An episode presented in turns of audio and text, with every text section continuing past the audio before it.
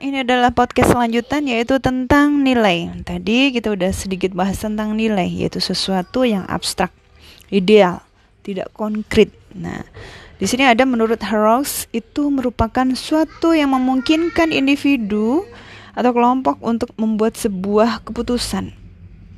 Atau dalam buku psikologi di sini uh, dari Prof. Sinolungan, nilai adalah keyakinan atau suatu yang diyakini kebenarannya gitu ya dipercaya dan uh, serta diwujudkan dalam bentuk sikap atau perilakunya. Artinya pembentuk sikap ini ada dasarnya yaitu nilai.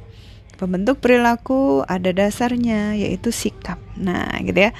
Kemudian nilai itu bersikap uh, bersifat normatif keharusan untuk yang menuntut untuk diwujudkan.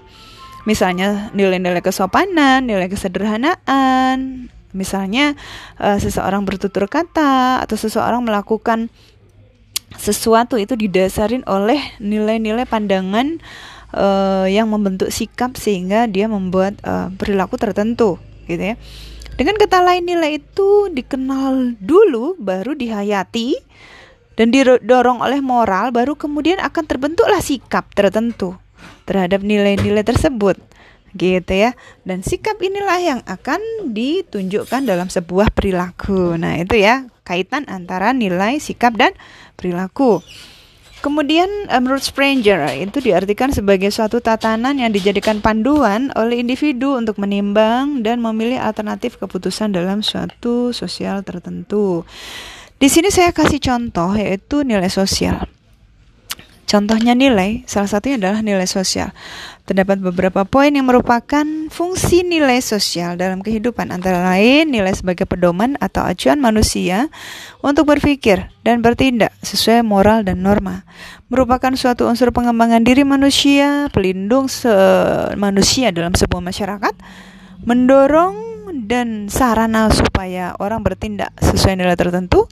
Nilai berfungsi sebagai sarana bagi masyarakat menyampai pendapat dalam lingkup umum wujud dari individu atau kelompok dalam masyarakat. Ini salah satu contohnya dalam dunia kesehatan. Misalnya Ibu Nifas, dia menganut nilai-nilai norma-norma sosial di dalam lingkungannya bahwa kalau misalnya Ibu Nifas tuh nggak boleh keluar rumah, nggak boleh makan ini, makan itu.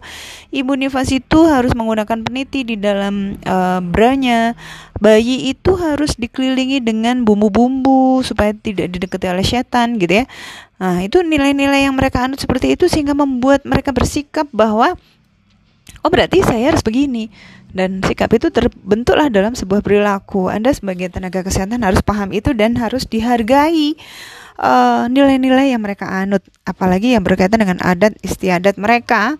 Jika Anda ekstrim dalam ingin perubahan perilaku sesuai dengan yang Anda inginkan, maka mereka tidak akan mau didekati oleh Anda, sehingga tujuan Anda merubah perilaku mereka tidak akan sampai. Selama nilai yang mereka anut tidak merugikan kesehatan, maka biarkan hargai privasi mereka gitu ya. Tapi contoh misalnya uh, tentang uh, pantangan-pantangan makanan sehingga mereka bersikap tidak mau makanan bernutrisi gitu ya. Itu kesempatan Anda untuk melakukan pendekatan-pendekatan dan harus merubah nilai dan sikap dan perilaku mereka karena itu tidak baik untuk kesehatan imunitas itu gitu. Jadi ada yang harus Anda rubah, ada yang harus Anda ikutin sesuai dengan tradisi nilai-nilai mereka. Kemudian perilaku yaitu suatu respon seseorang dikarenakan adanya suatu stimulus. Nah, stimulus ini bisa jadi itu adalah sebuah rangsangan yang berasal dari dalam ataupun dari luar gitu ya Nah, itu tergantung apa yang dia tangkap, termasuk stimulus inilah yang akan membuat sebuah nilai-nilai dan sikap tertentu. Perilaku sendiri dibedakan menjadi dua, yaitu tertutup dan terbuka. Yang tertutup ini adalah respon yang uh, belum dapat diamati secara jelas. Kalau terbuka itu adalah respon dalam bentuk tindakan nyata. Salah satu di sini adalah perilaku kesehatan yang merupakan respon seseorang yang berkaitan dengan masalah kesehatan penggunaan pelayanan kesehatan, pola hidup, maupun lingkungan sekitar yang mempengaruhi. Dan di sini ada beberapa perilaku kesehatan yang diklarifikasi menjadi tiga, yaitu perilaku hidup sehat, perilaku sakit, dan perilaku peran sakit. Apa bedanya? Perilaku hidup sehat itu merupakan perilaku yang berhubungan dengan usaha-usaha untuk meningkatkan kesehatan dengan gaya hidup sehat, perilaku sakit adalah usaha-usaha untuk mencari pengobatan pada saat dia mengalami sakit. Perilaku peran sakit adalah perilaku seseorang ketika sakit. Perilaku ini mencakup upaya untuk menyembuhkan penyakitnya. Kalau perilaku sakti itu merupakan perilaku terbentuk adanya respon terhadap suatu penyakit. Jadi bentuknya adalah respon yang meliputi pengetahuan tentang penyakit serta upaya pengobatannya. Nah, gitu ya. Kalau perilaku peran sakit itu sudah lebih kepada bukan hanya mencari pengetahuannya aja tapi lebih kepada perilaku ketika sakit dan dia ingin mencari penyembuhannya. Nah, lebih fokusnya ke arah sana. Kemudian faktor-faktor memengaruhi ada faktor predisposisi, pemungkin dan penguat. Predisposisi ini adalah faktor-faktor yang memengaruhi disposing disposing faktor. Nah, adanya Anda mengetahui faktor predisposisi, di sinilah Anda masuk sebagai tenaga kesehatan untuk meningkatkan ini yaitu apa? Pengetahuannya. Jika Anda mau berubah perilaku seseorang, maka rubahlah pengetahuannya. Misalnya contohnya uh, contohnya Anda melakukan pendidikan kesehatan, gitu ya.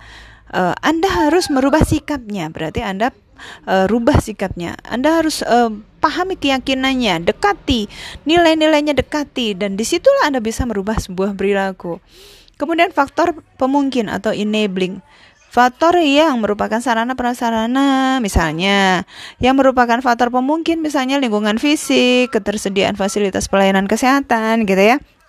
Artinya uh, ketersediaan ini membuat Anda bisa mengupayakan bahwa fasilitas kesehatan harus diadakan di perdekat misalnya aksesnya dan lain sebagainya. Nah, itulah kenapa Anda harus paham faktor pemungkinnya apa untuk merubah perilaku mereka. Faktor penguat yaitu pendorong gitu ya. Salah satunya adalah sikap dan perilaku petugas. Oke. Okay? Kemudian domain perilaku. Domain perilaku yang utama adalah pengetahuan ya, seperti yang barusan saya ungkapkan bahwa pengetahuan ini penting banget untuk kita jadikan uh, dasar perubahan perilaku. Nah, di sini ada tugas untuk Anda, Anda buat sesuai dengan kata-kata Anda ya, minimal dua halaman tentang tingkat, faktor dan kriteria. Kemudian ada juga tugas tentang uh, tingkatan sikap, faktor yang mempengaruhi sikap dan cara pengukurannya selain Likert. Nah, di sini ada hubungan sikap perilaku dan uh, nilai uh, hubungan sikap dan perilaku kesehatan, ada cara menilai sikap dan perilaku kesehatan gitu ya.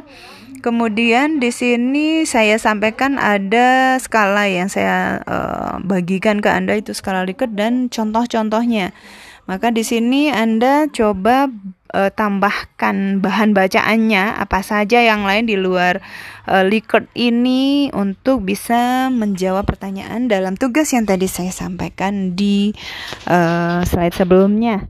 Oke, itu aja dari saya untuk part 2 ini sebagai penjelasannya. Semoga Anda bisa memahami.